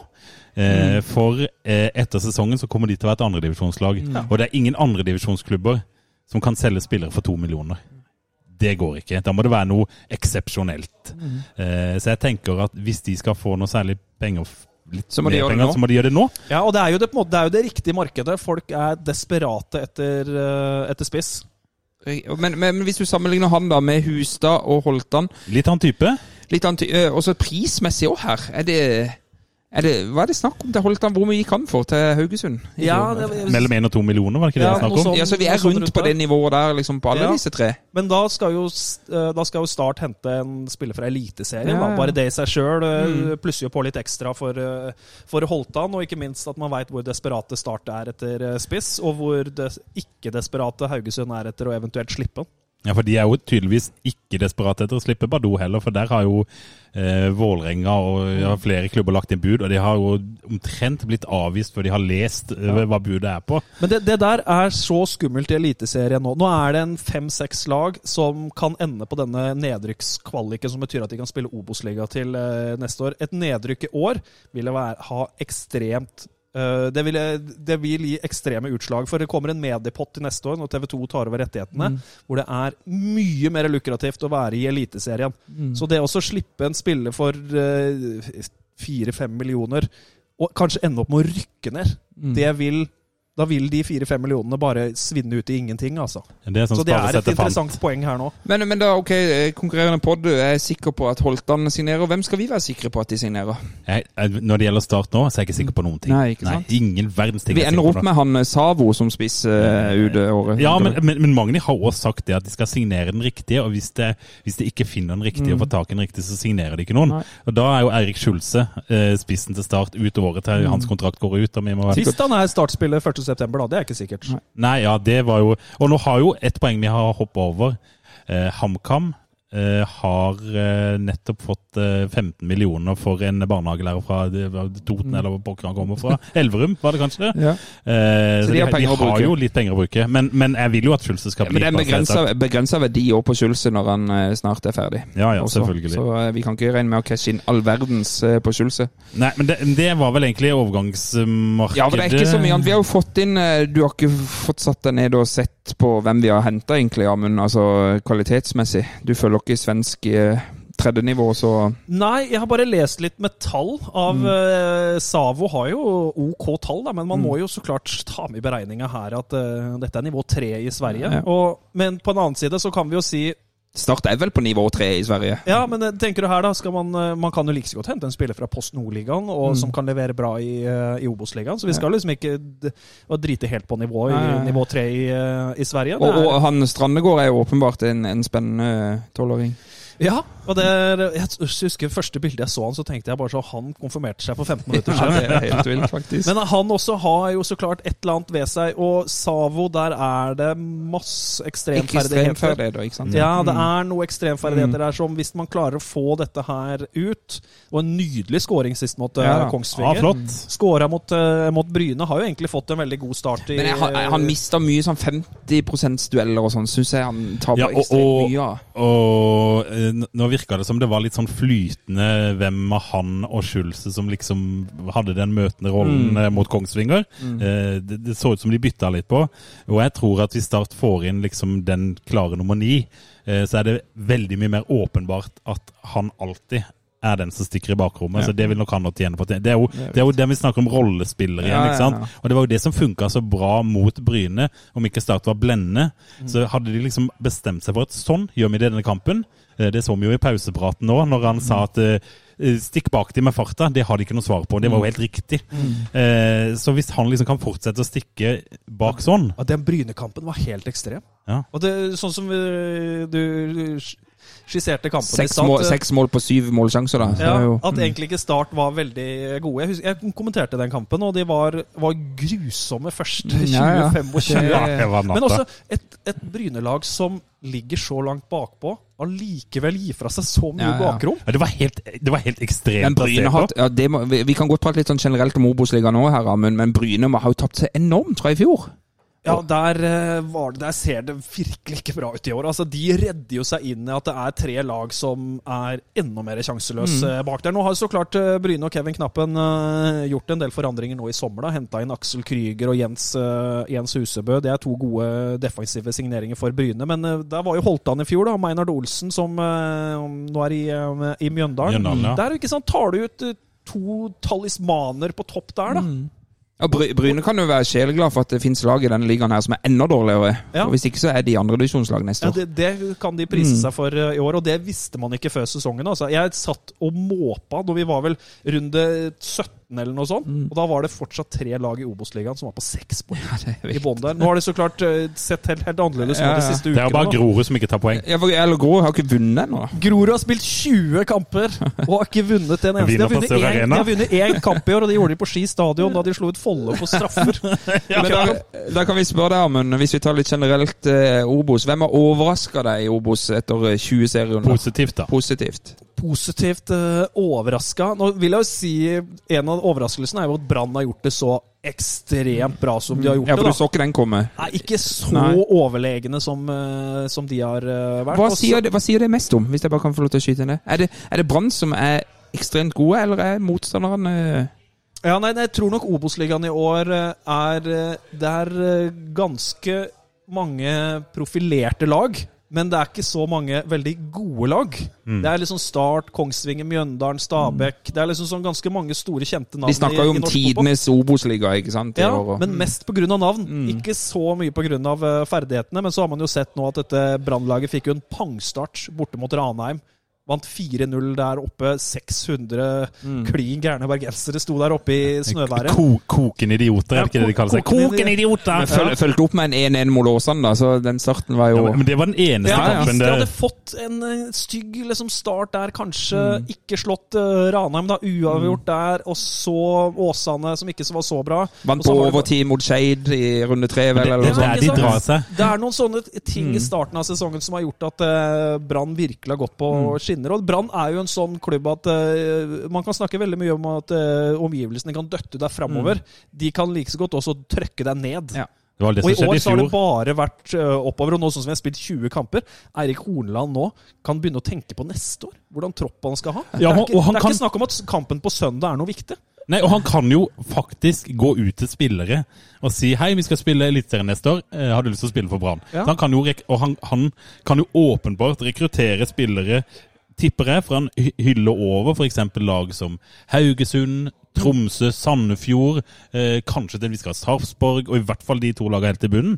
Så han kan jo ha et veldig slagkraftig lag i Eliteserien. Ja, nei, jeg så jo Det dukka opp uh, nyhet i dag om at eh, Marius Lodes kontrakt med Sjalka hadde blitt terminert. Ja. For eksempel. Jeg En, så eh, Viking var på han for øvrig. Ja, det, vil- det jeg vil tro veldig mange er eh, på han, og Brann er nå kanskje med i, eh, i Ja, du tror det? Ja, jeg Altså, vil, der, der er det jo veldig, Fra veldig, veldig mye til snakk om eh, Obos-ligaen. Ja.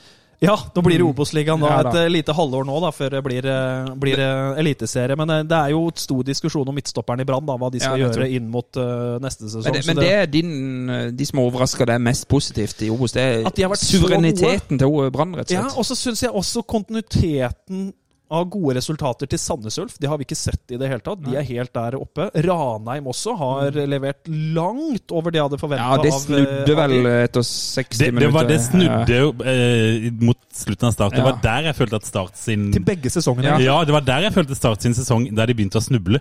Det skjedde, altså, den- kampen der har vært de, eh, definert ganske mye av fortsettelsen. Og de var så gode, husker jeg. Det Flott mål av Braut. Ja, og det der, ja, Og det der løpet til Endong dong oppover ja, ja, hele sida der serverer eh, altså, den kampen der Fytti grisen. Og det frisparket på slutten der som blir eh, Sesongdefinerende, rett og slett. Men hvis du skal gå i andre enden, da. Hvem har skuffa, syns du mest, da? Kan jeg få lov til å gjette ett eh, lag du kan si, bare sånn eh, for, uten å ta liksom, de båndlagene? Mjøndalen? Ja, Mjøndalen. Ja, Mjøndalen er, eh, er veldig, veldig skuffende. Altså. Men nå starta de sesongen veldig bra. da. De hadde syv seier og én uavgjort de første åtte. Lå der oppe sammen med Brann og så ut som at dette her blir de laga som skal rykke opp til Eliteserien. Så er det vel elleve kamper nå de elleve siste kampene til Mjøndalen hvor de har én seier. Og det var en sliteseier borte mot, eh, borte mot eh, Grorud. Og nå diskuteres det opp og ned i mente om Vegard Hansen er rett mann til å lede laget. Daglig leder ga seg vel så jeg nå. Daglig leder og Berenike eh, ga seg nå, og det er snakk om at kanskje det skal få inn en, en type der da, som skal være mer daglig leder slash sportslig leder, så det høres ut som eh, ja, det, det er en klubb som ikke helt veit hvor de er hen, og hvor de er på, på veien. Kjempeskuffen, og ikke minst da Fredrikstad. Nå er vi spilt 20 kamper, og sesongen er ferdig. Sesongen vi, er vi kaputt. tapte der, altså. Det- Ja, men, men han, han, jeg må bare si det om han Bummen. Han virker så litt inspirerende. Han er liksom Å, vi, vi må jo vinne kampene og altså, altså uh, Det er sikkert dumt å si, men han, han, han framstår for meg litt sånn som Hvis man ser til britisk fotball, f.eks., så har du noen av de der proper football lads, som de kaller det. Disse gamle trenerne som spiller 4-4-2, samme faen hva slags spillere de har. Det er liksom bare sånn power og, og speed og eh, ikke noe finspill.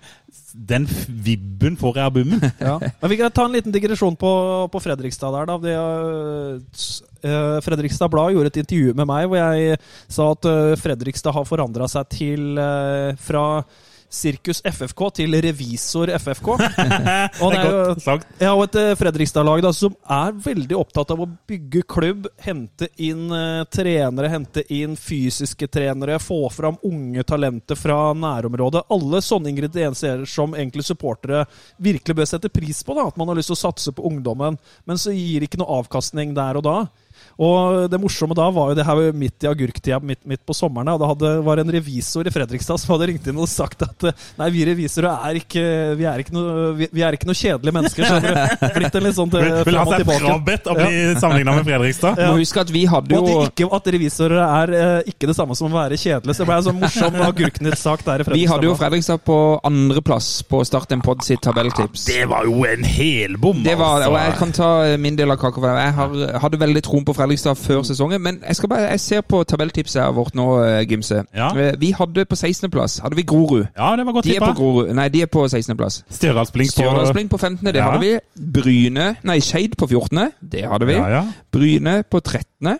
ja. Den Vi er ikke så Så, så bunn fire har vi vel akkurat spot on. Er vel Eh, Åsane rett over der, eller? Nei, Ranheim faktisk har vi. Ja, det var også Ja, ganske det, er jo, det er jo en stygg bom, da. Ja, da, Den det er var. Fredrikstad, men, eh, Eh, Ja, og ellers utover det, det er jo derfor vi setter opp tabelltips. Og vi har at vi skal gjøre sånne feil som det der. Ja. Sandnes Ulf på femte hadde vi, Stabæk på fjerde. Altså Vi er omtrent i boks. Vi har bomma på Fredrikstad og på Ranheim spesielt. Og litt på start. Eh, ja, foreløpig det er jo bare to plasser opp til Men jeg syns det er en ting som er interessant, bare som uh, Amund ikke toucha innom. Vi snakker om Mjøndalen. Uh, for etter den der begynnelsen til Mjøndalen, når de hadde var det sju seire og en uavgjort, uh, og den uavgjorten var mot Start, da, uh, så ble det sagt om Mjøndalen at de har helt utrolig flyt Ja. med resultatene. Altså, de har fått så mye mer poeng I starten av sesongen, ja. starten av Mm. sesongen enn en det kampene skulle tilsi. Ja. Og så kommer det ett tap, og det var jo en sånn derre Var ikke det en litt sånn kokoskamp der de bare plutselig tapte på slutten mot Ranheim eller et eller annet? Jeg tror det faktisk var Ranheim. Ja, Ranheim snudde på overtid. Ja. Ja. Mm. Og så etter det har det gått lukt Ja. åt helvete. For før det så vant jo Mjøndalen hjemme mot Bryne ved å snu på overtid. Mm. Eh, Som var også De hadde en del av de kampene. Ja, så man, Mm. man gikk liksom litt og venta på Ok, nå har de vunnet så mange kamper sånn, som de egentlig ikke fortjener å vinne, at til slutt så må på en måte prestasjonen og selvtilliten på en måte catche opp med poengfangsten, sånn at dette toget går inn De i så jo ut Ja. som en million mot oss, da. Tabellen etter 30 kamper uh, pleier som regel aldri å lyve, og den er egentlig ikke noe mulig å diskutere Nei. noe på. For da har man møtt begge laga to ganger, og man kan, øh, man kan snakke veldig mye om øh, statistikker og alt mulig sånn, og vi gjør jo det sånn som i, i studio hos oss. da. Vi Ja. følger jo mye med på Y-Scout, expected goals, og hvordan, øh, hvordan laga egentlig ligger an. Og da Mm. gjorde det og Mjøndalen skilte seg veldig ut. De fikk ekstremt godt betalt, Mm. og nå får de ikke betalt i det hele tatt. Nettopp. nettopp. Men, men ellers så tenker jeg jo at, at eh, altså Stabæk eh, de sparker jo trener nå. Eh, Der er det veldig viktig at de kommer opp. De har nok eh, tydeligvis levert dårligere enn de hadde forventa, tenker jeg. Eh, og ellers er jo at det er en sånn grøt rundt kvalik, det er jo bare sånn Obos-ligaen skal være, det. Ja. Ja, nei, det er jo til og med eh, Kongsvinger henger jo liksom med der i snakk om denne eh, De hekta seg på med den der reformen sin i det siste. Ja, de har det, og der, ikke sant? så der kunne jo Start på en måte kvitta seg litt med Kongsvinger, da. Ja, Hvis de hadde slått de nå sist og fått eh, to poeng eh, til, da vært liksom helt Mm. der oppe og kjempa om den eh, sjette og femte Nå ser jeg de, de klubbene eh, over oss. eh, det er jo ikke så veldig mange lag der som er i kjempegod form. Det er, KFUM er i god form, og Brann. Mm. Eh, utover det så er det mye, mye varierende her òg. Sånn seier, tap eh, Så det er seier. muligheter. Det er Ja, muligheter. og, og, og det, er liksom, eh, det er det som er så frustrerende med Start. Hvis du tar eh, f.eks. en kamp mot Kongsvinger nå. Hvis de hadde holdt den 2-1-ledelsen inn, hadde de hatt to poeng mer. Hadde de hatt to poeng mer, så hadde de vært to poeng bak Stabæk. Hvis de da skulle gå hen og slå Stabæk borte på Nadderud, så hadde de vært forbi Stabæk. Så det er liksom så lite som skiller, men Start er jo, dette har jeg nevnt i podkasten her før, de er verdensmestere i å vinne de kampene de må vinne for å holde, holde kontakt. Men så er de verdens dårligste på å vinne de kampene som gjør at de liksom kan vippe seg opp. Yes. Ja.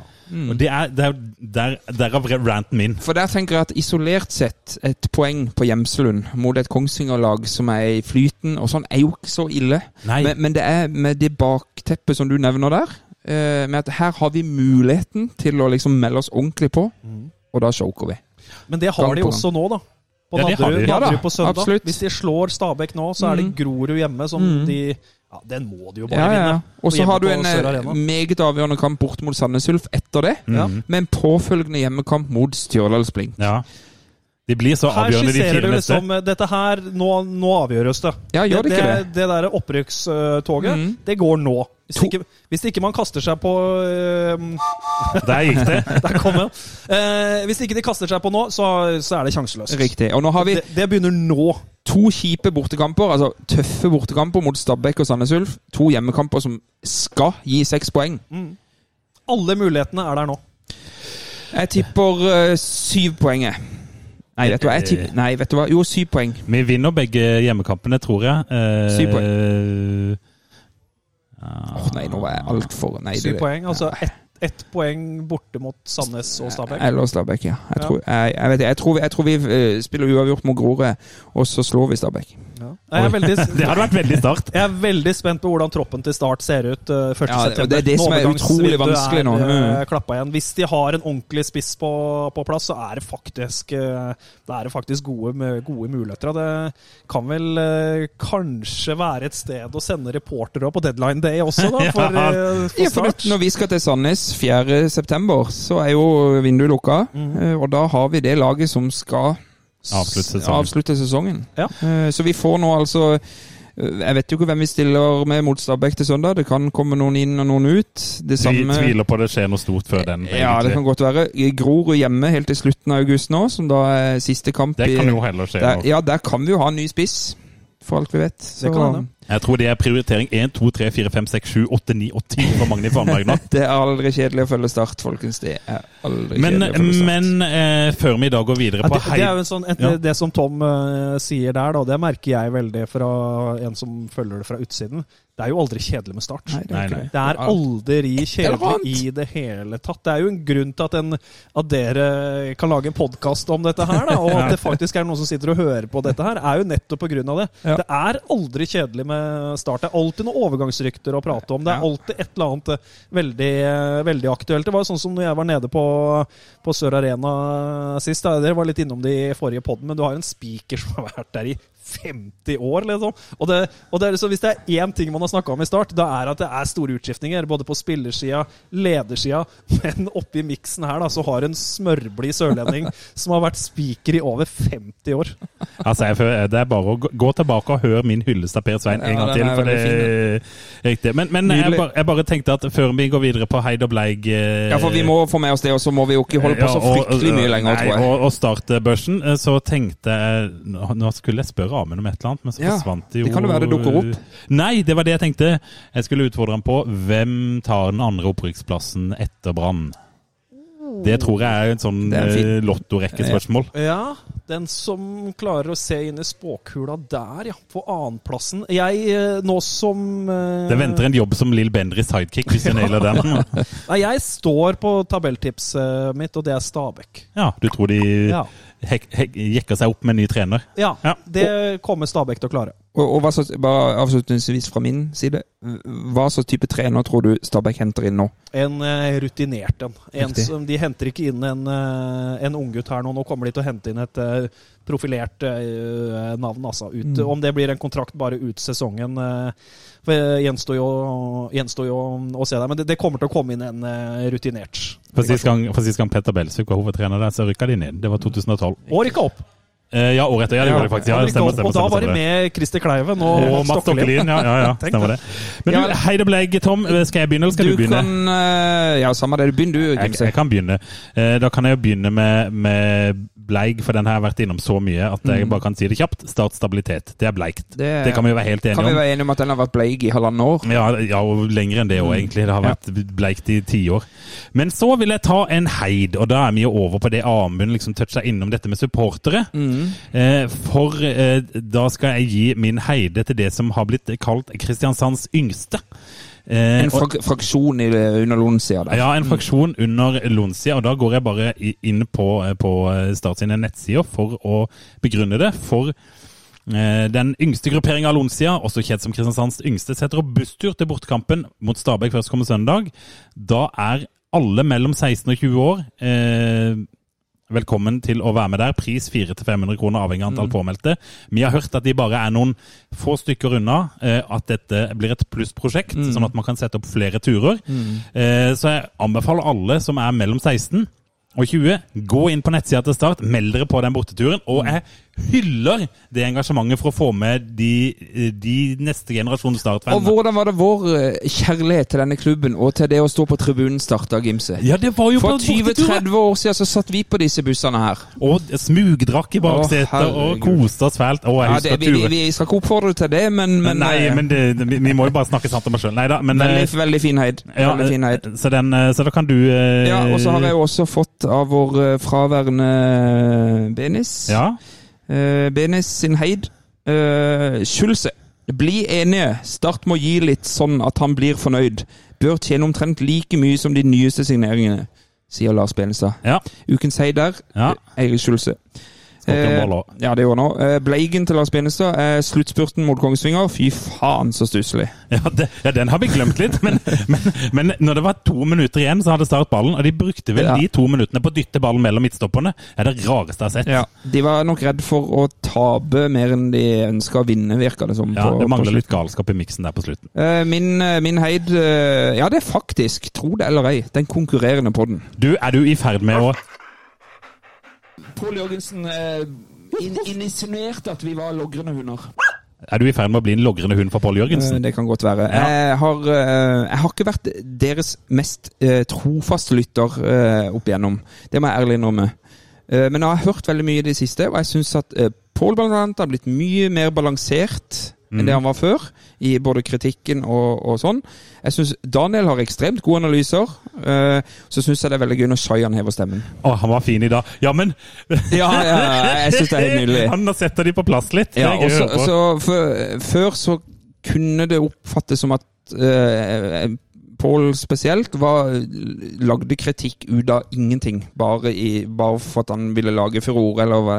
Men nå syns jeg han har balansert seg veldig, og nå har de en kjempefin tone. Og i, tror- og i dag hadde de jeg lurer, var det nesten tre kvarter om start før de gikk over på Jerv. Ja, og, og, og jeg jo Jeg kan godt føye til det poenget ditt. Jeg tror det handler om der, som det handler om Mm. andre steder.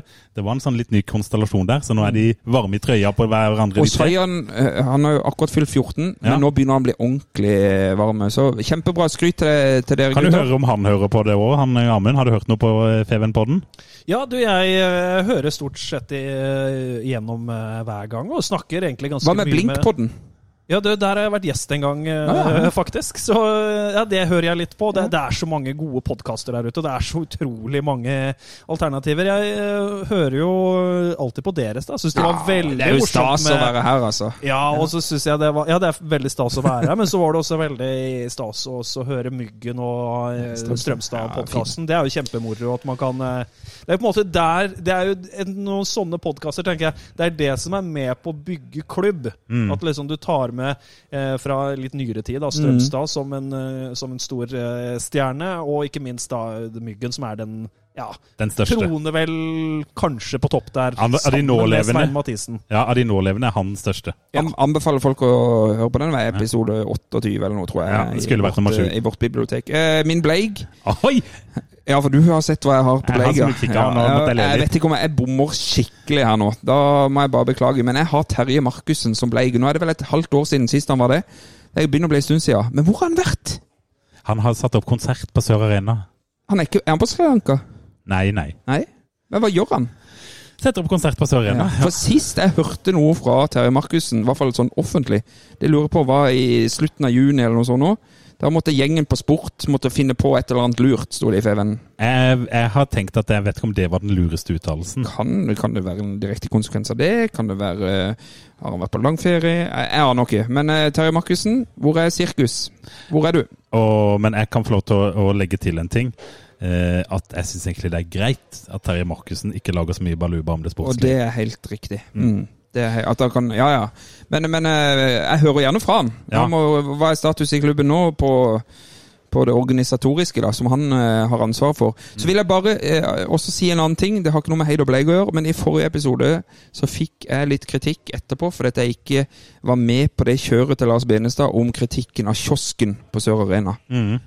Men den har jeg fått bekrefta fra flere hold nå, at den er ræv. Ja. Så der må vi steppe opp litt, altså. Det Ja. må gå an å få seg en kronesis jordbær og ikke 20 minutter med kø. Ja, det var mye kø når jeg var der. Ja, det var, ja ikke sant. mm. Så bare sånn, da har vi det på det, på det rene. Skal vi ta en start på Sør når vi først er i gang med de faste spaltene her? Ja, det kan vi gjøre. Mm. Eh, du kan få lov å begynne, du. Ja, eller har du fått fra Lars Benestad. Å, Og hør på Lars Benestad. Oi, Det- det er jeg er spent. Lars Benestad skriver Supporterlivets bipolaritet. Alle følelser kan ikke kontrolleres. Og han gir terning to. To? To på Lars Benestad. Ja. Han, Er det første gang, han er på to? ja, ja, han har aldri vært så lavt. Men nå skjønner jeg ingenting. Han gikk fra seks nå, altså, og så ble det 2-2 på Hjemslund, hvor han var til stede, ned på to. Så han har tydeligvis eh, oh, ja, nei, det var lavere enn jeg hadde tenkt å gå. Ja. For jeg er jo heller ikke på to. Nei, Hvis jeg tar min, så er jeg på Jeg var på fire sist. Jeg er på tre nå.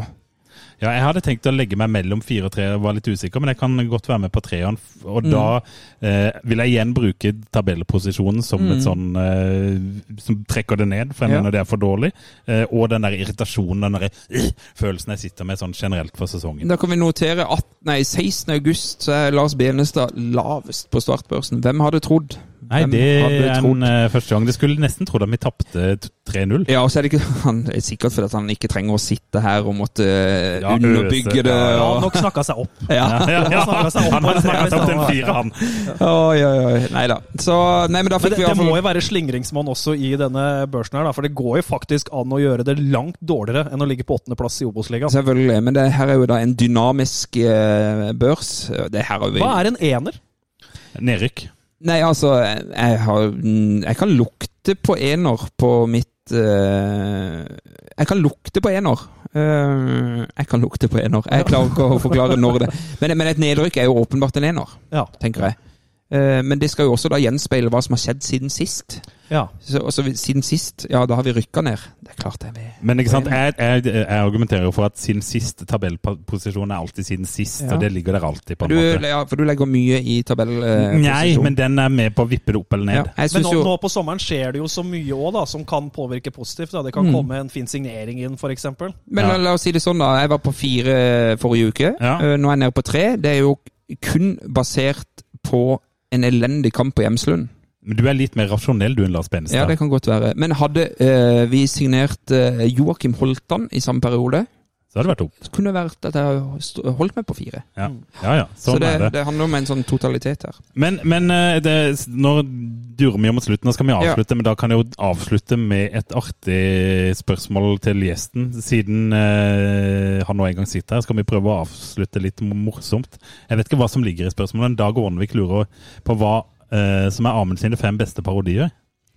Ja, Dag Ånevik da, er jo en uh, TV-produsent. Ja. Altså uh, en som uh, sitter i bussen og bestemmer hvilke bilder som skal på TV, og kommuniserer med meg hvis jeg har noen ting. eh, Vis bilde av det nå, Dag, så gjør det. Og jeg har jo gjort veldig mange intervjuer, og veldig mye av eh, livet som kommentator, er jo å stå og vente. Vi står og venter på at vi skal intervjue spillere. Mm. Da står kamera klart, og jeg står foran kamera, og vi skal teste litt lyd.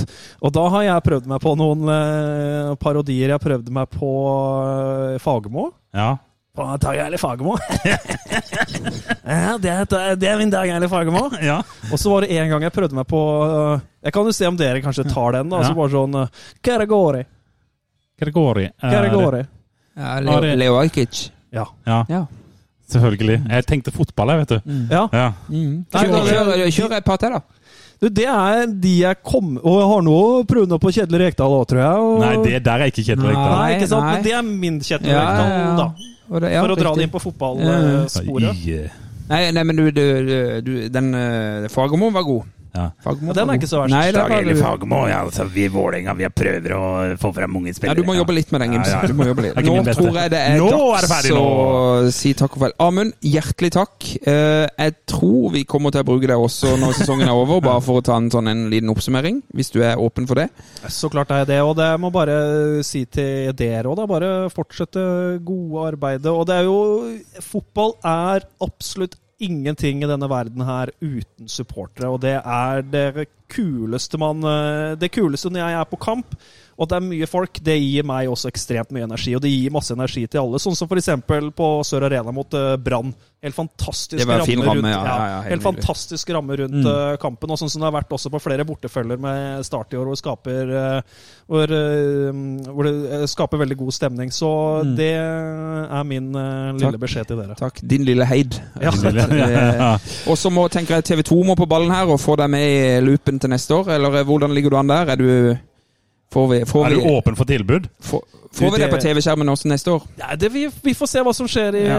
eh, 2022. I overgangsvinduet? Han er akkurat sånn som fotballspilleren, han, vet du. Så må folk eh, komme seg til Nadderud eh, førstkommende søndag. Alle mann. Hiv der på bussen til Kristiansands yngste hvis dere er mellom 16 og 20 år. Informasjon på Start sine hjemmesider. Det var vel det. Og så får man oppfordre folk til å følge oss i sosiale medier. Og så eh, Avslutter vi med Heia Start. Heia Start. Jeg ser inn i 22 resignerte hender! Hvor er gløden? Hvor er engasjementet? Det er ingenting å tape!